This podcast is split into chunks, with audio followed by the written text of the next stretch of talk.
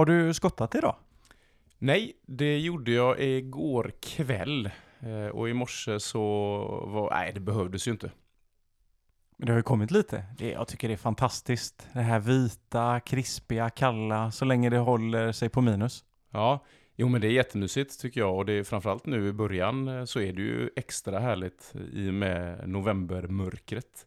Eh, Men jag, nej jag skottade inte i morse utan jag var ute och sprang i morse istället. Jag hoppas att eh, det här håller i sig och att det kommer lite till, för då kanske vi kan eh, sticka ut och åka lite längdskidor vad det lider här i vinter. Mm. Ja, eh, samtidigt så jag är lite kluven för att nu gick det bra att ta ett dopp i morse efter löpningen men, men jag har ju också märkt att det där kallbadsvurmandet har ju försvunnit lite grann. Det var ju väldigt eh, modernt där för ett par år sedan så var det ju många som, som ville men nu är det ju jag vet inte om det var förra vintern eller vintern innan där jag hade svårt. Vi var nog inte så många som höll den här vaken vid, vid liv vid, vid Kåsjön. Eh, Så det får inte bli för kallt. Eller så får fler börja kallbada igen. Men visst var det så att eh, när det var jättemycket minus och mycket is på Kåsjön att det var någon där med, var det en såg eller yxa som eh, hackade upp en, en liten fin fyrkant? Det är mycket möjligt. Jag har ju själv varit där med både spett och eh, eh, yxa och lite allt möjligt. Eh, så att jag, jag tror att det, vi är väl några stycken som gärna vill att det ska gå att genomföra. Men som sagt, är det väldigt, väldigt kallt och om vi inte är tillräckligt många så blir det lite jobbigt. För jag menar, jag springer ju inte med en yxa eh, för att, för att sen kunna ta mig ner liksom. Utan då står man där och sparkar lite och ibland kommer man ju tyvärr inte igenom. Nej, jag, nu, nu var det ju två år sedan tror jag jag kallbadade, men jag tyckte det var lite häftigt. Det, det kändes väldigt manligt att stanna till vid Kåsjön och så knäcka isen och gå i. Ja, jo men det, det, jag, tänker, det finns ju så många fördelar med kallbad och kyla, men, men en är ju definitivt att eh, man känner sig lite stark eh, efter att ha gjort det. Och jag har väl ibland, nu har vi ju, jag har ju två ställen som jag hoppar i. Det ena är ju pressen, det är ju kanske 500 meter hemifrån. Problemet där är ju att där är jag ju själv, så är det för kallt så kommer jag ju inte i där. Eh, Och då blir det ju Kåsjön, och vad kan vi, kan det vara två kilometer därifrån? Tror jag. Ja, Eh, härifrån, från oss är det 800 meter ner, så från er borde det vara knappa två. Ja. Eh, Hur som helst så när jag hoppar i pressen då finns det ju ingen anledning att ta på sig kläder igen. Utan då, då springer jag ju hem med jackan och understället i, i handen liksom.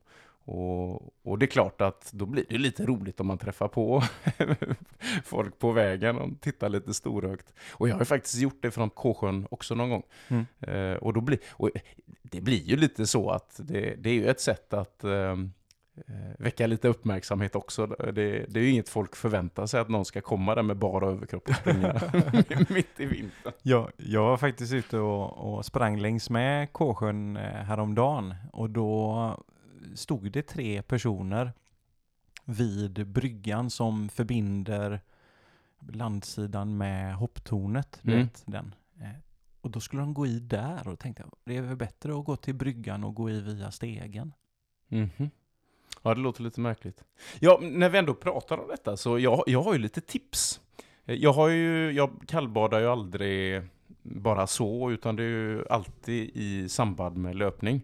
Mm. Så att mitt tips är ju att eh, ska du kallbada så se till att spring dig varm. Spring hårt. Nej, spring dig varm. Eh, hårt är inte nödvändigt överhuvudtaget. Men ibland springer jag ju, om jag har sprungit för länge i kyla, så blir det så att den där goda värmen avtar ju efter ett tag. För Mm. att eh, svetten, det börjar kylas på och sådär. Mm. Och att då, i det läget, hoppa i är inte jättelockande faktiskt. Nej, oskönt. Ja, det är oskönt. Så att, men, men tips nummer ett då, spring dig varm. Spring, eh, tips nummer två, det är ju det här att eh, försöka hålla det här hjärnspöket borta. För det är klart att någonstans så finns ju där en självbevarelsedrift och en, en bekvämlighet i ryggmärgen som naturligtvis säger nej, det, det, nej, inte ska du väl hoppa i det där kalla. Och, och det, jag menar, det här har jag gjort i så många år nu. Jag tror att jag är Men inne det på... du, sä- det du säger är, tänk inte för mycket på doppet i slutet på löpturen medan du springer. Ja, eller tä- tänk på rätt saker om doppet. För, Mm. för, för att eh, jag tror att jag har gjort det här i fem säsonger nu och eh, tanken smyger sig alltid på. Den är inte lika stark längre som den var de första åren.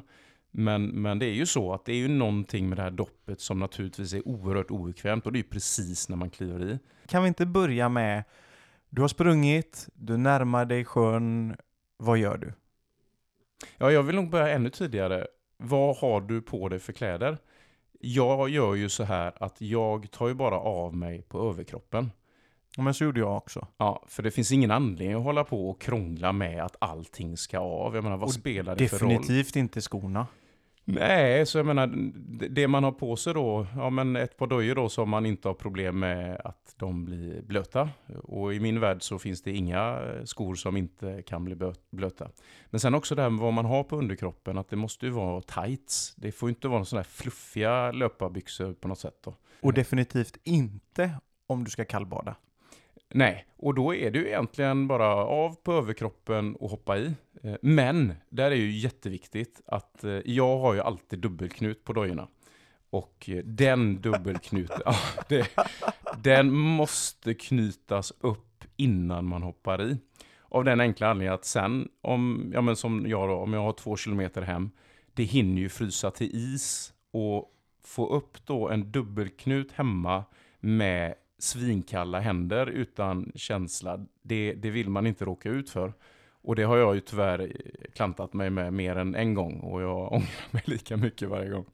För även om man är varm när man springer hem de här två kilometrarna så, så hinner det ju det hinner ju bli en ganska så stor omställning till att man börjar frysa om man håller på att krångla med en jävla dubbelknut.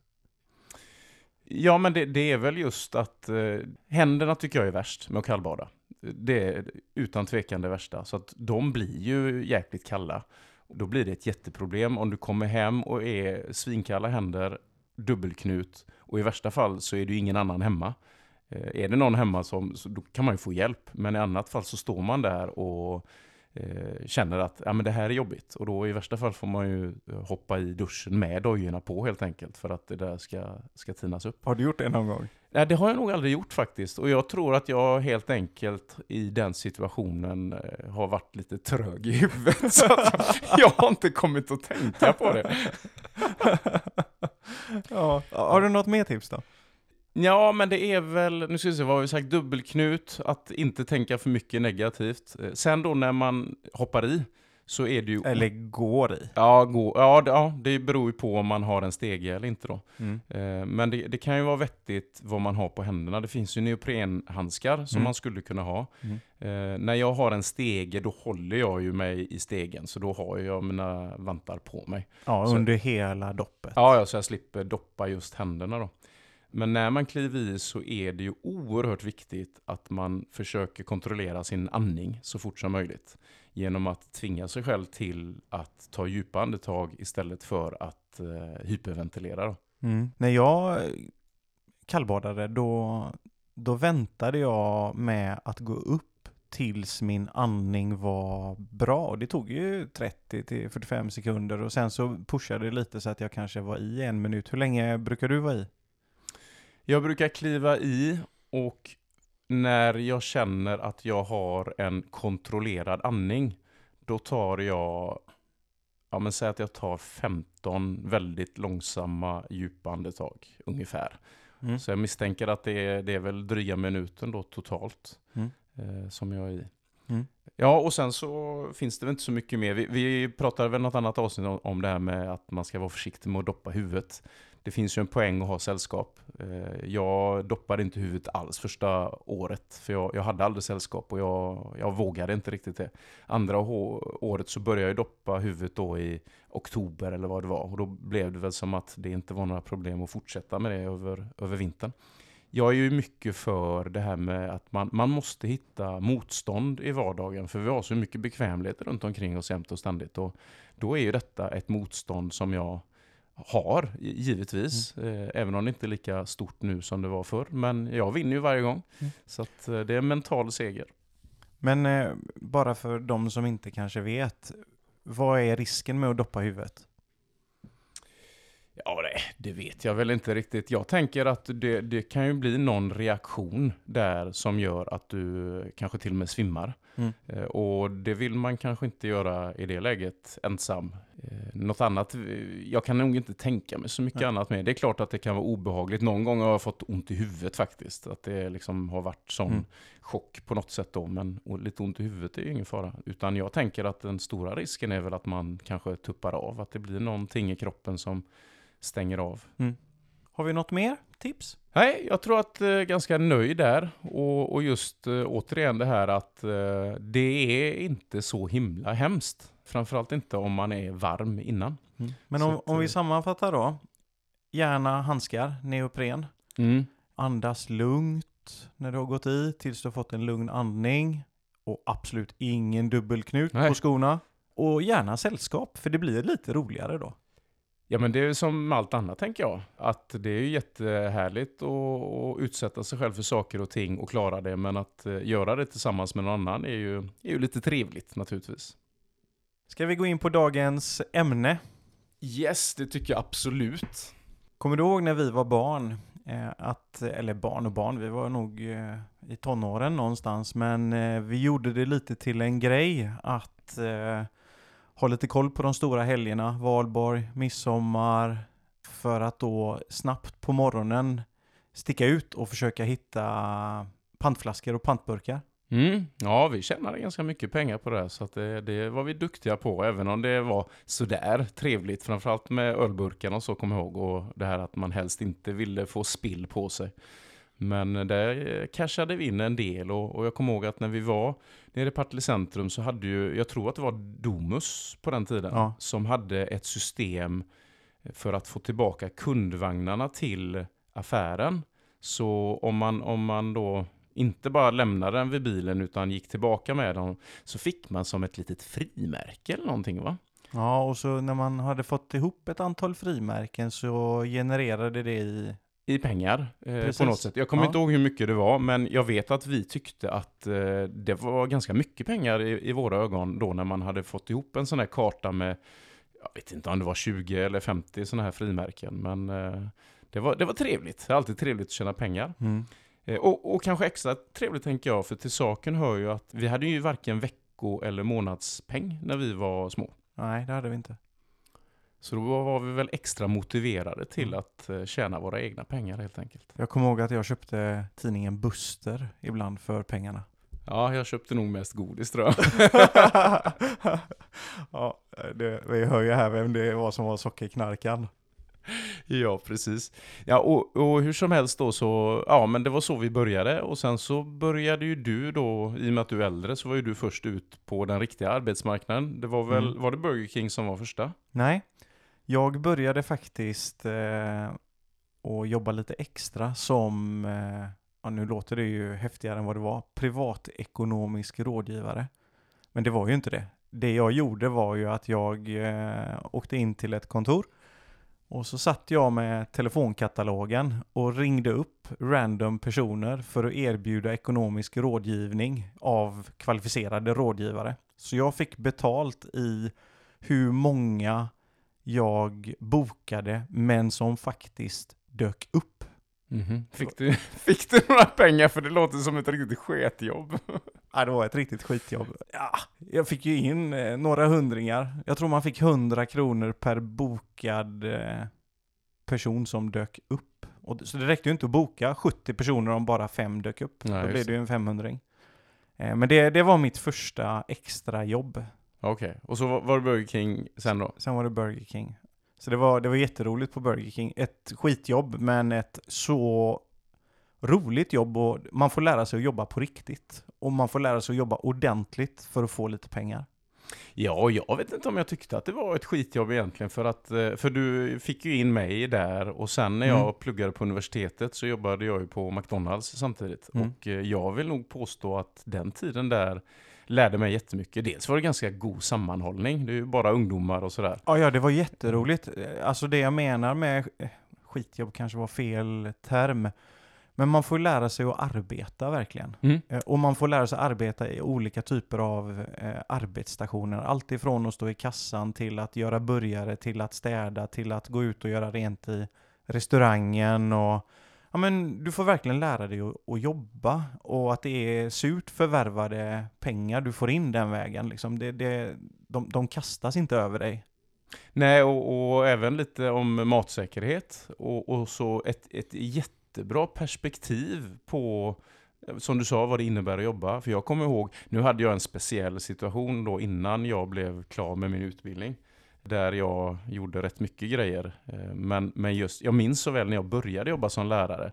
Tänkte jag, åh herregud, det här är ju hur glidigt som helst. Det var verkligen min uppfattning. Med Mm. tanke på att jag hade haft fullt upp då med ja, jobba. Jag tog ju ingen studielån.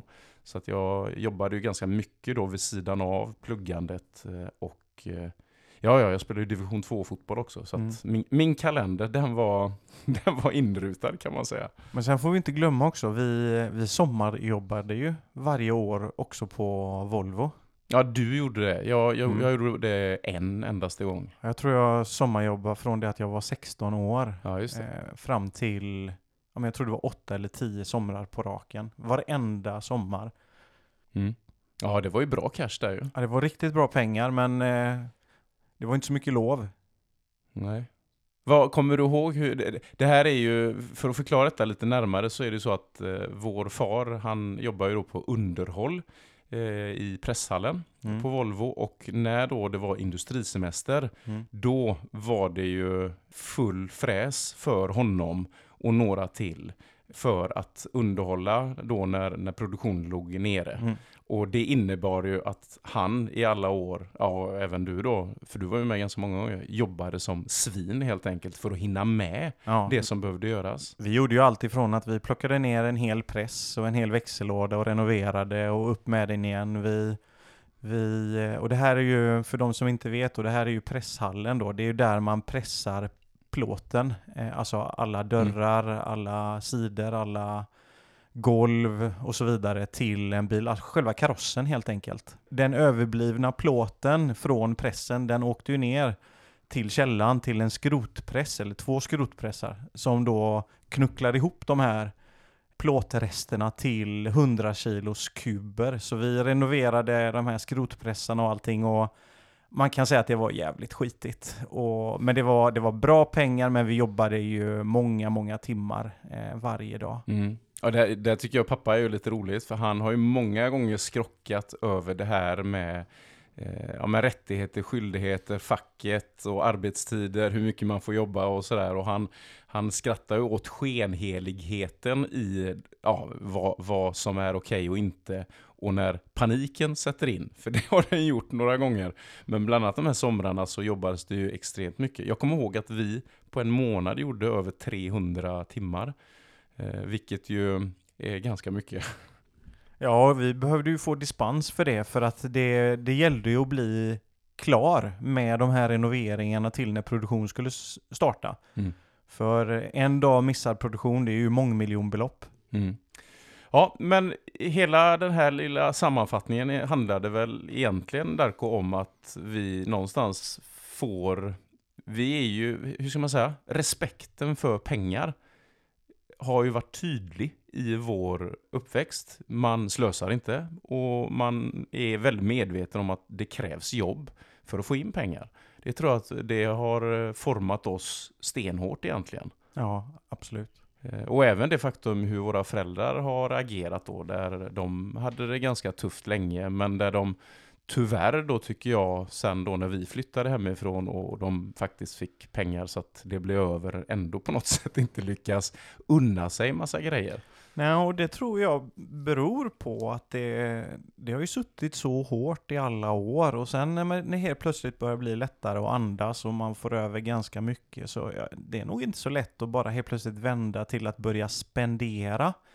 Utan eh, de har ju fortsatt vara väldigt sparsamma och, och, och jag tycker det är fantastiskt och jag själv blir irriterad när jag märker hur många som man möter och som man ser inte har respekt för pengar. Det kan störa mig så oerhört mycket. Jag kan bli så duktigt irriterad Mm. på när man slösar.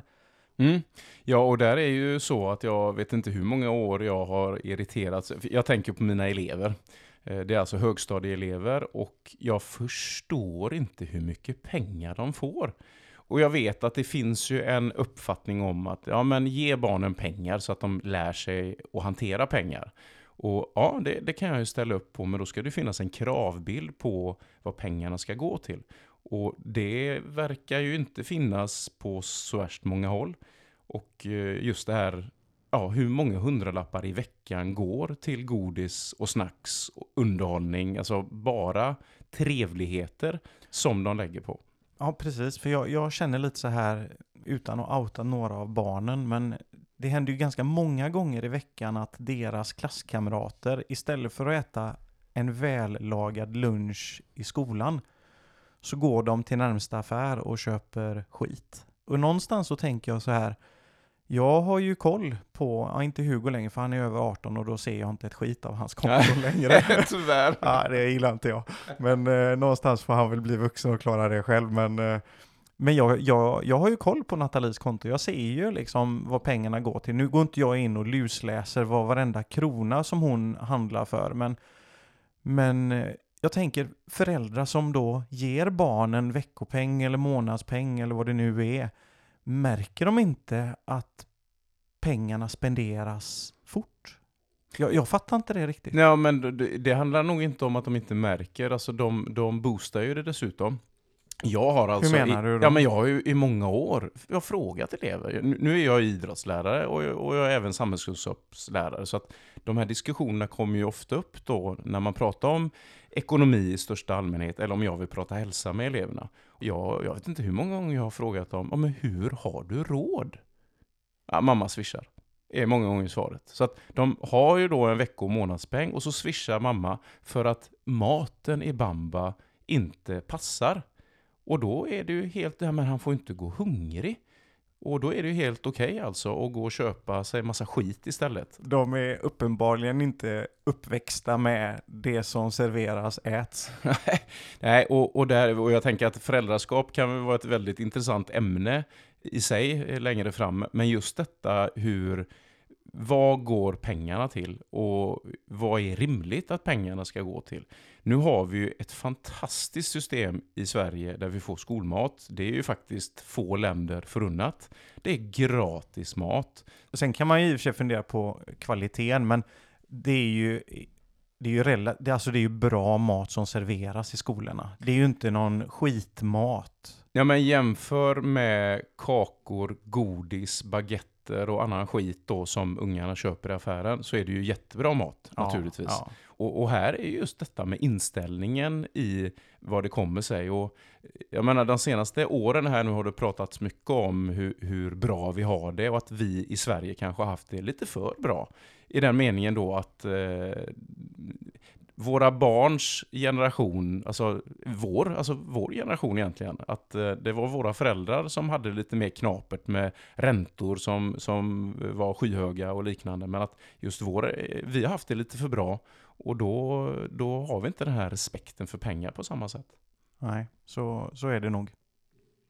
Men vi har, vi har ganska många roliga exempel som vi har funderat på kring detta. Och nu har vi varit lite grann i skolans värld, så vi kan väl fortsätta där tycker jag. Och där är ju så Men du, du är irriterad på klockor? Ja, jag tänkte inte börja med klockorna, men vi kan väl ta det. Det går ju så... Åh, herregud. Det går att säga mycket om skolan, men vissa saker är ju lite märkligare än andra. I skolan så finns det en poäng med att det finns klockor, naturligtvis. Och alla har ju sina mobiltelefoner, där finns också klockor. Men får jag fråga en sak? Ja. Är, är, det, är det en klassisk klocka eller en digital? Ja, de brukade, såna här IKEA-klockor brukar det nog ofta finnas i korridorer och i varje klassrum och sådär. Men, men nu är det ju så här att eh, den generella uppfattningen i skolan i Sverige idag är att kan någon bli hjälpt av någonting, då gynnar det alla. Det betyder att eh, i min värld så, så läser jag in att vi sänker ribban för alla. Kravbilden för alla sänks. Så något ljushuvud har kommit på att det räcker inte med att ha klockor inne i klassrummet. För att eh, på något sätt så är det otydligt eh, gällande när lektionen ska sluta. Eh, och det är fler barn idag som inte kan klocka. Eh, vi, vi, har ju, alltså jag har ju, jag vet inte hur många elever jag har varit med om som på högstadienivå inte kan klockan.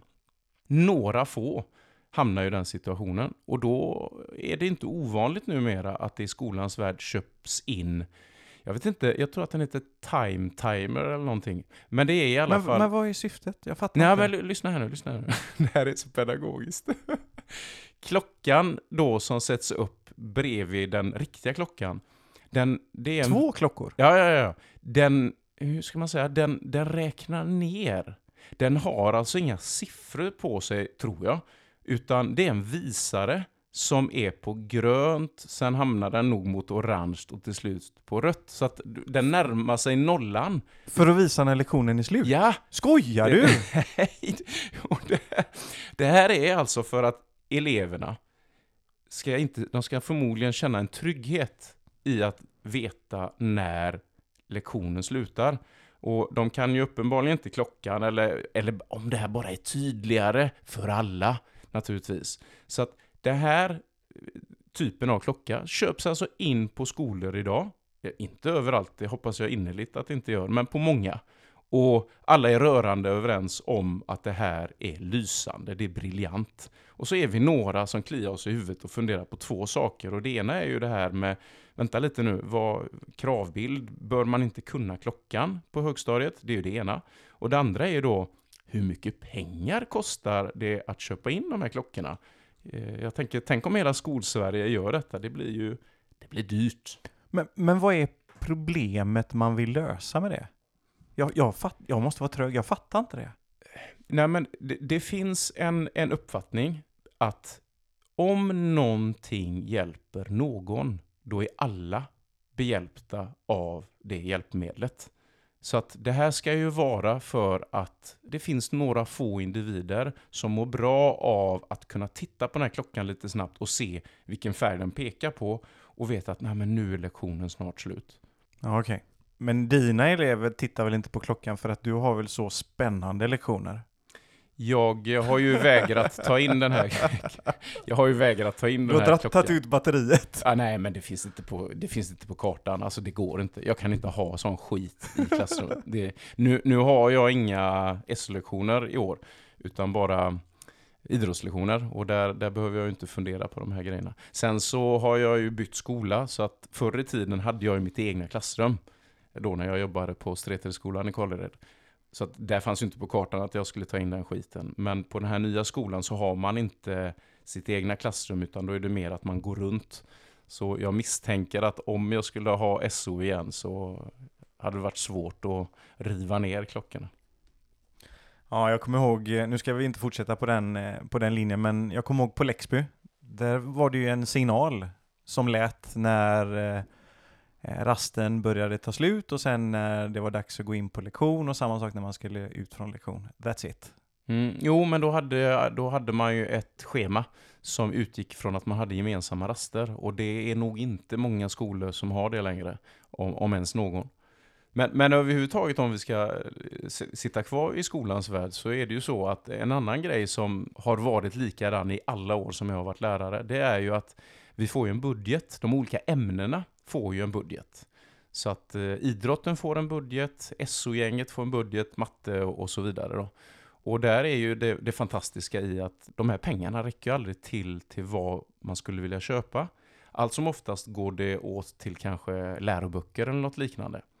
Problemet med läroböcker är ju att de slits och att, och det är ju nästa grej då, ja men vad händer då om en elev får en fin lärobok och lämnar tillbaka den ett år senare och det ser ut som ett toapapper? Är det rimligt att den eleven ska betala för den boken? Det, det tycker jag i alla fall. Ja, absolut. Ja, men det går inte i snällhets-Sverige utan där står ju ofta skolan för det. Men det som händer är ju att vi behöver fylla på med läroböcker i en takt som inte riktigt räcker till då. Så att då blir det ju att man eh, köper en klassuppsättning. Men man kanske hade velat köpa två, tre klassuppsättningar. Men pengarna räcker ju inte riktigt till. Men då blir det ju så att vi, kan, vi, kan, vi har råd med en klassuppsättning som ett exempel. Men vi har inte råd med två. Så vad gör vi med de där pengarna som blir över? Ja, då måste vi ju spendera på någonting. För annars får vi en sämre budget nästa år. Så jag vet inte hur många år som vi har köpt skit för de pengarna. Bara för att pengarna måste gå åt. För det går ju inte att spara dem till året därpå av någon märklig anledning. Och jag kan inte låta bli att tänk om man hade tänkt så här utifrån ett privatekonomiskt perspektiv. Tänk Darko att du... du ja, men du närmar... Nej, nu, och grejen är, nu närmar vi oss årets slut. Ja. Nej, nej, nej, nej, du får inte spara det Nej. till nästa år. Nej, Men det här är ju inom offentlig sektor. Det är ju väldigt typiskt för att eh, du får ju nya skattepengar nästa år. jag måste ändå göra jämförelsen. Vi närmar oss årets slut. Pengarna, ja du har inget vettigt du kan köpa. Och den där värmepannan som du tror kanske går sönder snart, ja men det är ju nästa år. Så att du kan inte spara pengarna. Utan vi måste handla upp någonting, för vi får inte ha kvar dem till nästa år.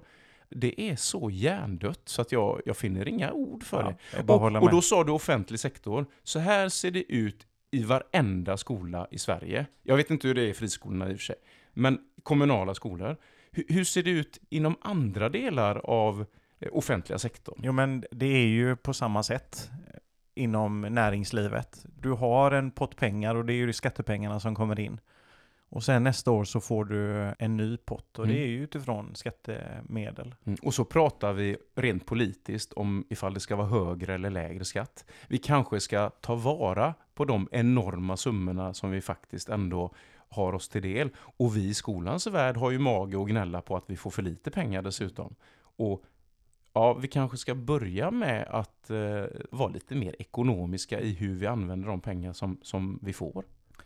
Jag har en grej som, eller jag har flera saker som stör mig lite. Det som stör mig jättemycket det är när man anlägger en ny fotbollsplan eller när man har en fantastisk fin eh, friidrottsarena uppe i Vallhamra till exempel, om vi tar det. Mm. Det finns en jättefin utomhus friidrottsarena där. Och den, den har ju ganska många år på nacken, men det finns ju ingen tillstymmelse till att eh, vårda den. Så det som händer är ju att eh, Sävedalens AIK då, som friidrottsklubben heter i Partille här, de kan inte anordna tävlingar, framförallt inte rundbanetävlingar för att eh, det är så dålig så dåligt underlag plus att det är något ljushuvud som inte eh, har sett till att banorna är exakt 400 meter runt. Ja, så de det. måste anordna alla sina tävlingar på Slottsskogsvallen. Nu pratar vi utomhustävlingar. Det går ju såklart att anordna kasttävlingar fortfarande på Vallhamra, det ska vi ju ändå ha sagt, men det här att man inte underhåller banorna, att man inte underhåller de här fantastiska arenorna som vi har, det är för mig helt obegripligt. Mm, och jag vet inte hur pass mycket det gäller enbart Partille kommun, men det där är ju Partille kommun i ett nötskal.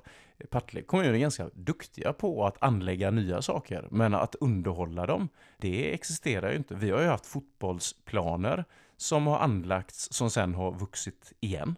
Och vi har mängder med lekplatser där det till och med har funnits elljus där man förr i tiden anlade isbana som bara har vuxit igen fullständigt.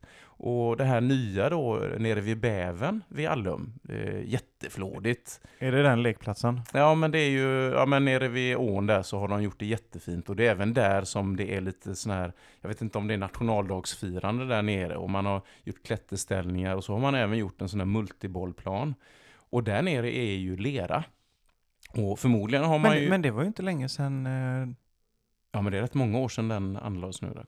Men det jag vill komma till är att där nere vid Säveån så är det ju lera, vilket alla vet, för att företagen har ju problem med tanke på att det rör på sig och liknande. Och Mm. förmodligen har man gjort en budgetvariant när man anlade den här lekplatsen från första början.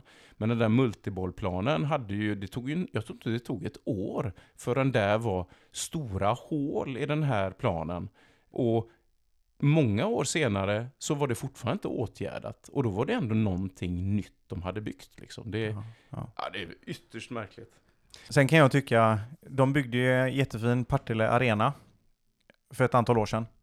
Och så fixade de ju en jättebra stor asfaltsparkering utanför. Ja, just det. Eh, Bara några år senare så river man upp hela asfaltsparkeringen för då har man kommit på, vilket är bra, att vi ska bygga en simhall i Partille. Det måste vi ge dem. Jättebra. Men Mm. då, då river man upp hela den parkeringen, inte bara för simhallen, utan då ska de göra lite annat där. Men det här är ju inte många år senare och då kan man ju fundera på, fanns det ingen plan? Fast jag är kritisk till simhallen, Darko. På riktigt. Simhallen som de ska bygga. I Göteborgsområdet så har vi, det är väl i princip bara Vallhallabadet som har hopptorn. Tror jag, inomhus. Ja. Eh, för det är brist på detta. Vad har vi runt omkring? Vallhallabadet ska ju dessutom eventuellt rivas. Jag vet inte om, om det är klart där nu. Men hur som helst, vad har vi runt omkring oss? Jo, vi har Äventyrsbad i Borås som är förhållandevis nära. Allingsås har, Lerum har, Mölndal har.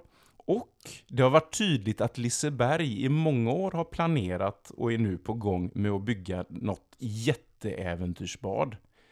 Varför ska Partille ha någon light-variant på ett äventyrsbad när man istället hade kunnat bygga som en, jag tänker som en motionsanläggning istället. Så att det är att vi lockar både de som sysslar med simhopp och annat, men även de som vill motionssimma och slippa det här skrikiga helvetet som de här Men ska det, äventyrs- bli, ska det bli äventyrsbad? För så som jag förstod det skulle bli en 25 meters bassäng bara. Ja, en 25 meters bassäng med äventyrsbad ska det bli.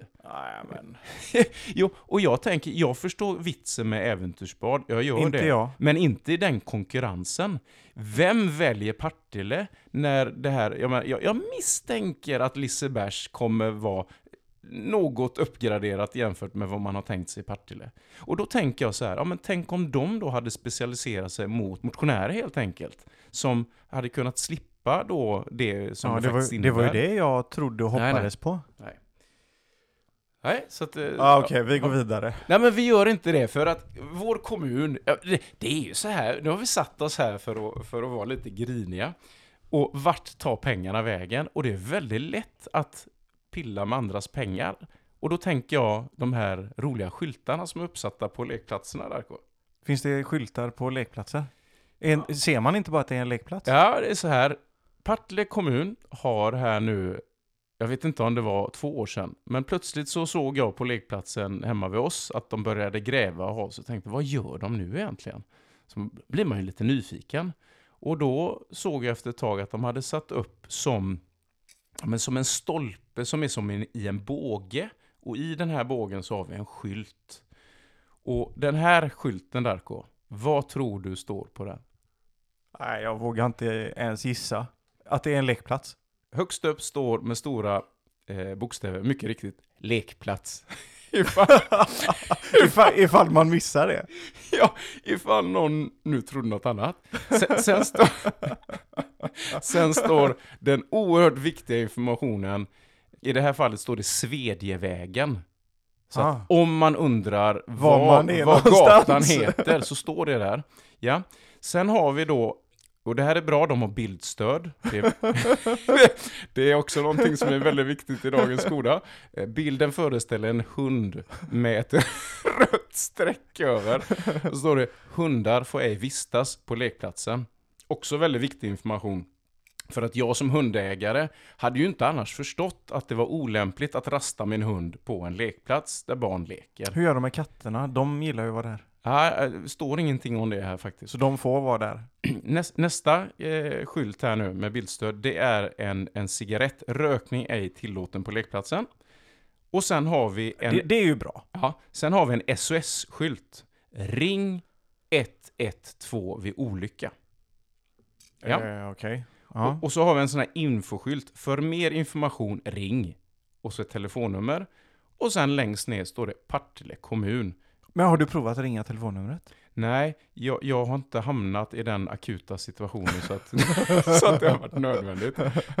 Men, men kan, du inte, kan du inte ringa det och bara kolla vart du kommer? Alltså jag, jag, jag vill inte lägga mer, mer tid än nödvändigt på detta. Men det här är ju intressant då. Hur många, jag vet inte hur många lekplatser vi har i Partille kommun.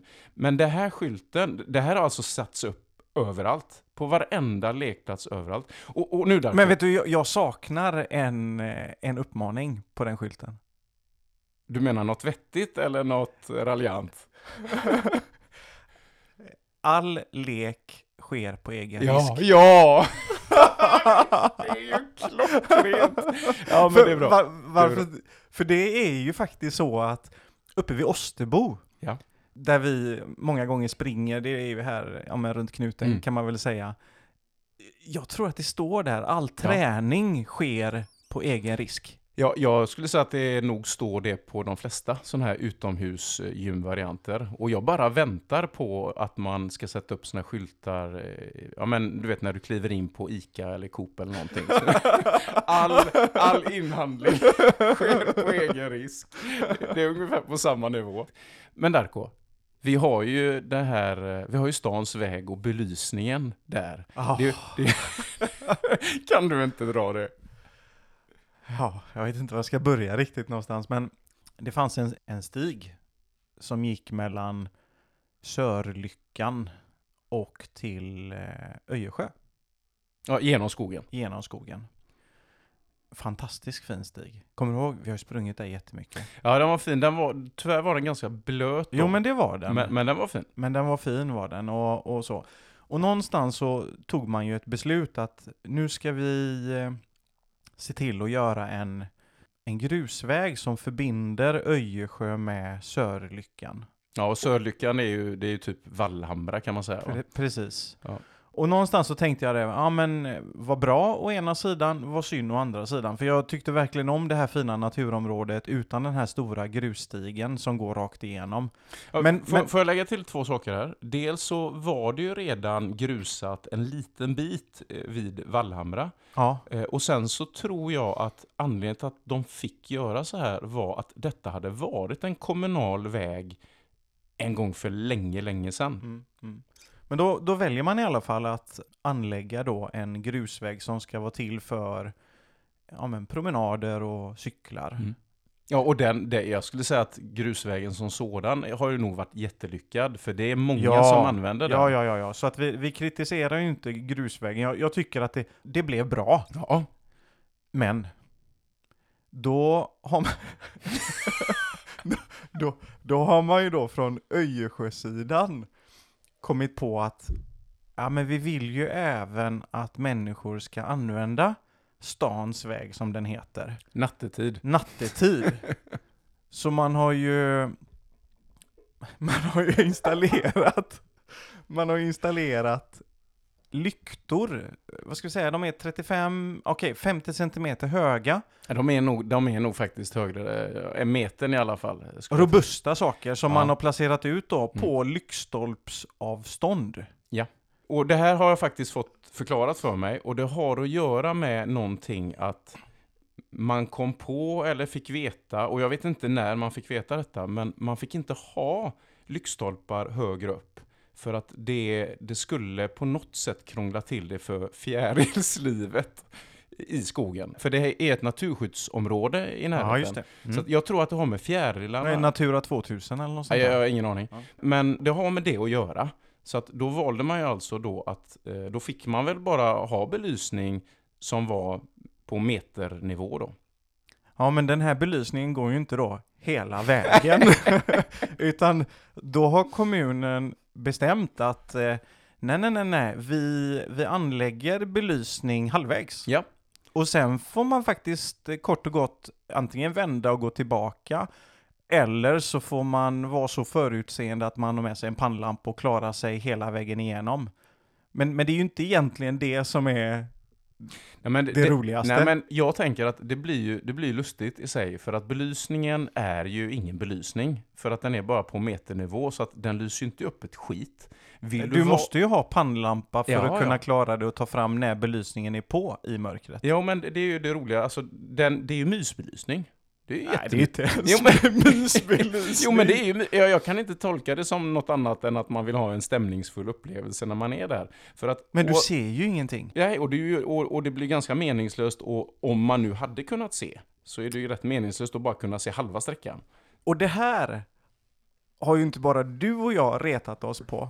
Vår gode far som är ute och promenerar på morgnarna tidigt, eh, många gånger eh, innan tuppen har gått upp. Han har ju faktiskt hört av sig till kommunen. Ja just det, men jag kommer inte ihåg vad han fick för svar. Han fick ju inget vettigt Nej. svar. Han sa det att Det är helt meningslöst att göra den här belysningen när den inte lyser upp. Eh, Men han fick inget bra svar på det. Nej, och någonstans... Men det kanske är nästa års budget de ska fixa det på. Ja, men det var lite grann funderingen jag hade, att pengarna tog slut och så fortsätter de väl vid ett senare tillfälle. Men den här belysningen har ju funnits nu kanske fem år, eller? Ja, och den, eh, den är fortfarande lika dålig. Och den är fortfarande halvvägs. Så Ja. det ska nog vara så. Ja, det ska nog vara så. Det är nog du och jag som inte förstår. Det är så mycket vi inte förstår där. Ja, men det måste ju vara det. Vi förstår inte. Men borde de inte ha förklarat det på någon skylt då innan man ska in på stans väg? Ja, jag vet inte. Jag vet inte. Vi kanske har missat att läsa något viktigt i, i tidningen på något sätt. Men däremot så var de ju duktiga på att ta fram i tidningen det som skulle göras vid, vid Kåsjön. Eh, Det stod ju faktiskt i tidningen om det och jag minns så väl hur jag gnuggade ögonen och för en gång skulle läste artikeln en gång till. För jag begrep inte om de menade allvar eller om det var något skämt. Men vi har en sträcka vid Kåsjön som är... Ja, men längs med sjön. Ja, längs med sjön, som ju då är, det är ju bara bussarna som får köra där. Och... Eh, Eller det, det är tänkt att det bara är bussar som försöker. ja, och det är andra som, som kör där ibland ändå, men det, det är försv- alltså med tanke på hur, hur stor möjligheten är att köra där så är det väldigt få som missbrukar det. Men visst, det kommer ju en bil där lite då och då, och det är väl inga... Ja, det, är, det är inget jättebekymmer upplever jag som ändå eh, tutar fram och tillbaka där ganska ofta med cykel eller med... Ja, fast jag, vet du, jag gillar inte det. Nej. Om det. Om det är förbjudet att köra där för alla andra än bussar och utryckningsfordon, vad ska alla andra där göra? Nej men jag, visst. Det, det är ju en förbjudet skylt. Ja, ja. Och de har tagit körkort, de borde väl för 17 förstå vad skylten säger? Ja, men det handlar inte om det. Det handlar om att man vinner extremt mycket tid när det är kö på vägen ut, eh, utanför. Men det är trots allt inte, alltså i procent, om det ens är procent, det, det är ju försvinnande få som missbrukar detta. Men hur som helst, så att den här vägen då som enbart är till för bussar, där valde man ju här nu ganska nyligen att eh, man skulle göra det till, och vad heter det? Nej, jag vet inte vad de kallar det. Ja, det, det kallas något speciellt, om det är stadstrafikmiljö eller någonting. Man har helt enkelt eh, kritat upp linjer. För, för, för cyklar och för de som går. Ja, precis. Så nu, nu kan vi som cyklar och går där känna oss extremt mycket tryggare. För att det finns ju linjer. Och det, ja, ja, jag kände direkt hur det en tyngd lättade från mina axlar när Mm, de härligt. linjerna fanns. Men sen gjorde de ju om busshållplatserna med va? Så att de, de gjorde ju om dem och, och jag, när jag såg att de började gräva vid busshållplatserna då, då kände jag ett hopp. Vet du vad det var? Det var att de skulle gräva ur du vet, så här stora hål så att bara bussar kan köra där men Mm. personbilar kan liksom inte ta sig över. Men så blev det ju inte. Nej, och, de, och det- här är svårt att beskriva, men de börjar göra om där, som jag förstår av två anledningar. Dels så var den här svängen in till parkeringen lite för snäv Vid Osterbo. eh, vid Österbo för att den vägen fortsätter in till eh, Vattenverket. Vattenverket Ja. då.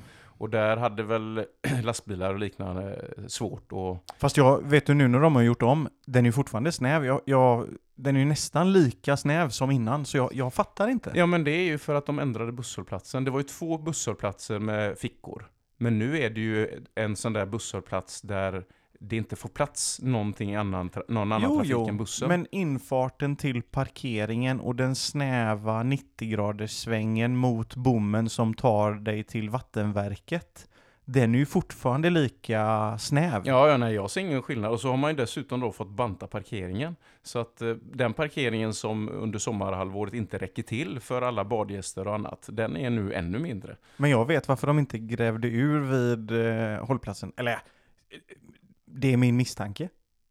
Mhm. Ja, men moppebilarna skulle ju ramla Ja, ner. ja, ja, ja, det är ju inte bra. Det är ju inte bra. ja, ja okej. Ja, eh, det, det är mycket med, med det kommunala som är svårt att, att förstå sig på. Och där är ju så att eh, där får man väl kanske engagera sig politiskt för att, att ha något att säga till om. Det tror jag varken du eller jag är intresserad av, men lite gott är det att få gnälla av sig lite. Men det är ju inte bara kommunala, det finns ju privatpersoner som är ja, men, eh, högst tvivelaktigt Ja, jag hur tänker att, intelligenta de är. ja, men jag tänker att det är ju privatpersoner som sitter inom kommun och, Ja. och bestämmer saker och ting. Men det, det låter som att du hade något speciellt. Ja, men när vi bodde i Lerum så bodde vi, i- det var en bostadsrättsförening. Husen såg ut som radhus. Men där var det ju, nu kanske inte jag berättar den här historien rätt, för det var Jenny som kom in och var jätteupprörd. Då, då var hon ute på lekplatsen med, och så var det en mamma där med sitt barn vid lekplatsen och då, då hoppar barnet sönder ett antal buskar vid lekplatsen. Och Jenny säger, ja men det kanske är lite olämpligt, det, de blir ju förstörda. Mm. Och då säger mamman, ja men det är inte våra. Nej. Jag bara, IQ fiskmås. Då fattar ju inte hon att eh, avgiften på föreningen kommer ju gå upp. Mm. Om föreningen måste liksom fixa till allting för att hennes snorunge inte har lärt sig vett och etikett liksom.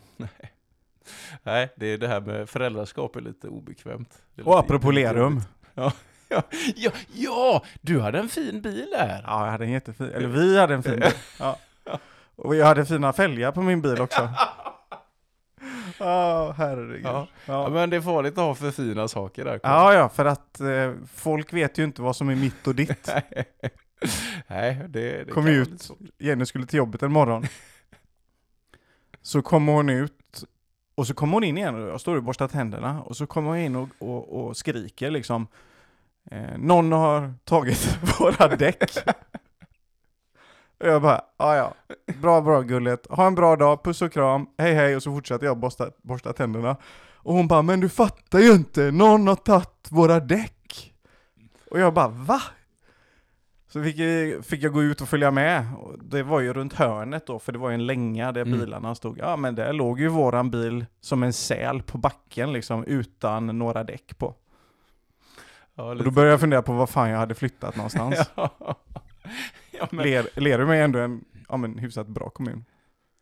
ja, och det här tänker jag ju att ja, men vi, vi har ju det här mitt och ditt kan ju vara lite svårt att, att se skillnad på. Det, och det, det har ju alltid funnits och kommer alltid finnas. Men just det här som vi ändå har pratat om, det här med när man pysslar med andras pengar. Ja. Eh, uppenbarligen så är det ju ett stort problem i att eh, pengar bara flödar iväg. Men det är också tydligt, tycker jag, att det, det handlar ju inte alltid om andras pengar, utan det är ju även på den nivån när det handlar om folks egna pengar så verkar ju inte finnas den här ja, men respekten. Spärren? För, ja, men spärren. Och, och det, jag, det ska bli lite intressant här nu. Nu hade vi, har vi haft ett ganska tufft ekonomiskt år i Sverige. Med, med allt ifrån räntor till elräkningar och vad det nu kan vara. Och hur den här vintern blir vet vi inte riktigt. Men lite nyfiken är jag på om, det, om man kommer se att det leder till en attitydförändring kring de här frågorna. Mm. Ja, det blir spännande, helt klart.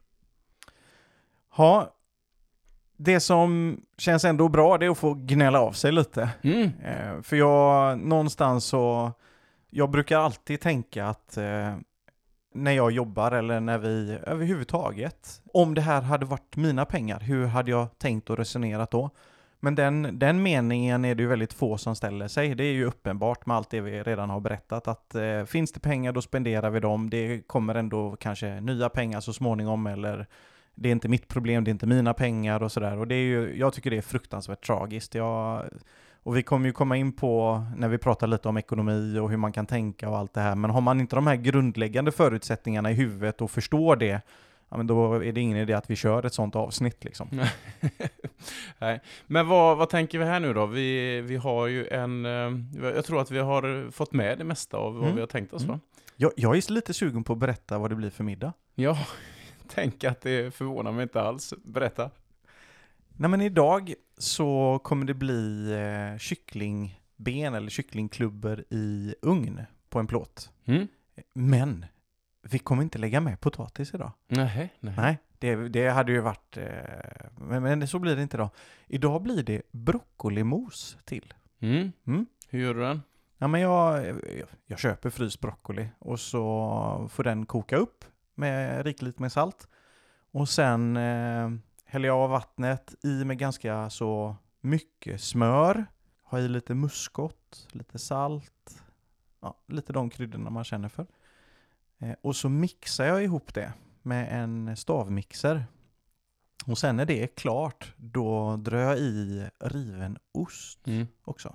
Ja, det. Det blir jättegott. Och sen blir det väl någon sås, eller om man kör någon mayo chipotle blandning eller någonting till. Mm. Ja, osten där är viktig. Jag brukar göra ungefär så, men att jag även kanske i, ja men det kan vara palsternacka eller sötpotatis eller någonting. Så Mm. det blir ju en, en, en slags blandning. Jag har ju lite rotmos i bakhuvudet liksom, men att det inte är Mm. eh, just eh, rotfrukter eh, rakt Och jag, och jag brukar göra exakt samma variant ibland med blomkål. Mm. Jättegott. Det blir ett väldigt härligt alternativ till eh, ja, men, potatismos eller vad man nu vill ha. Ja, jo, men det är gott. Det är gott. enkelt för Nathalie att äta. Just det. Och, och barnen tycker det är jättegott. Ja, jo men det, det, det är smarrigt, jag håller med. Vi gör det lite då och då också. Vad, vad blir det hos er? Det blir hamburgare. Oh, Eh, lyx! Eh, ja, jag vet inte. Och det är, ja, som vanligt då så gör vi ju lite grann på vårt egna sätt. Att eh, det finns ju inte på kartan att vi har hamburgerbröd till exempel. Det är, ju, det är ju lite som med tacosen som vi pratade om senast. Det är ju en sån där grej som man kan ha när man har gäster och sådär. Men när det bara är familjen då, då kör vi ju lite naturellt. Eh, det som är lite speciellt är ju då att jag givetvis gör eh, det, ja, hamburgerdressingen gör jag ju själv Mm. skulle jag aldrig köpa den på tub där då, utan Mm. eh, det är ju ungarnas favoritdressing verkligen. Och det, återigen, det är ju så enkelt att slänga ihop lite crème fraîche, majo, tomatpuré, lite gurka, lite kryddor och så är det klart. Mm. Eh, och just det är gott och så vet man vad det är i. Mm. Och det är inga låtsasprodukter, inga light-grejer eller rapsolja till förbannelse och sådär. Så att eh, eh, den är god och den påminner mig lite sån här Rhode Island-dressing. Ja, jag gillar aldrig den. Eh, gjorde du inte det? Nej, Ja. usch, jag tycker inte den är god. Jag tycker Jag hamburgardressing... förstår inte vad det är för människor som äter den. Jo då, jag, jag, jag tycker det är gott. Så att den här dressingen är ju, tycker jag, väldigt god att ha men ja, hur fan kan du gilla Rhode Island? Ja, men jag tycker Rhode Island och hamburgardressen, de påminner ganska mycket om varandra. Som jag kan minnas det. Oavsett, så den dressingen jag gör är god till eh, sallad och så också.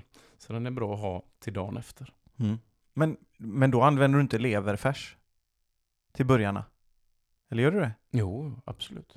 Det är så här, leverfärsen är ju lite blötare, Ja, eller hur ska ja. man beskriva det?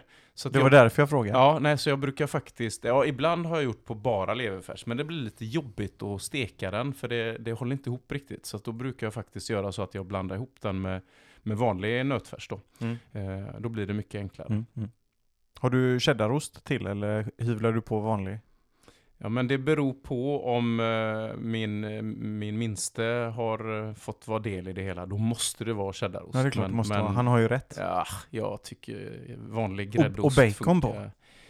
Ja, men det beror på om jag har... Alltid bacon? Ja, det, ibland orkar jag inte steka bacon. Latmask. Ja, det, så är det. Ja, härligt. Ja, men då ser vi fram emot eh, att äta om en liten stund. Det blir gott gott. Mycket bra, men då rundar vi av för idag.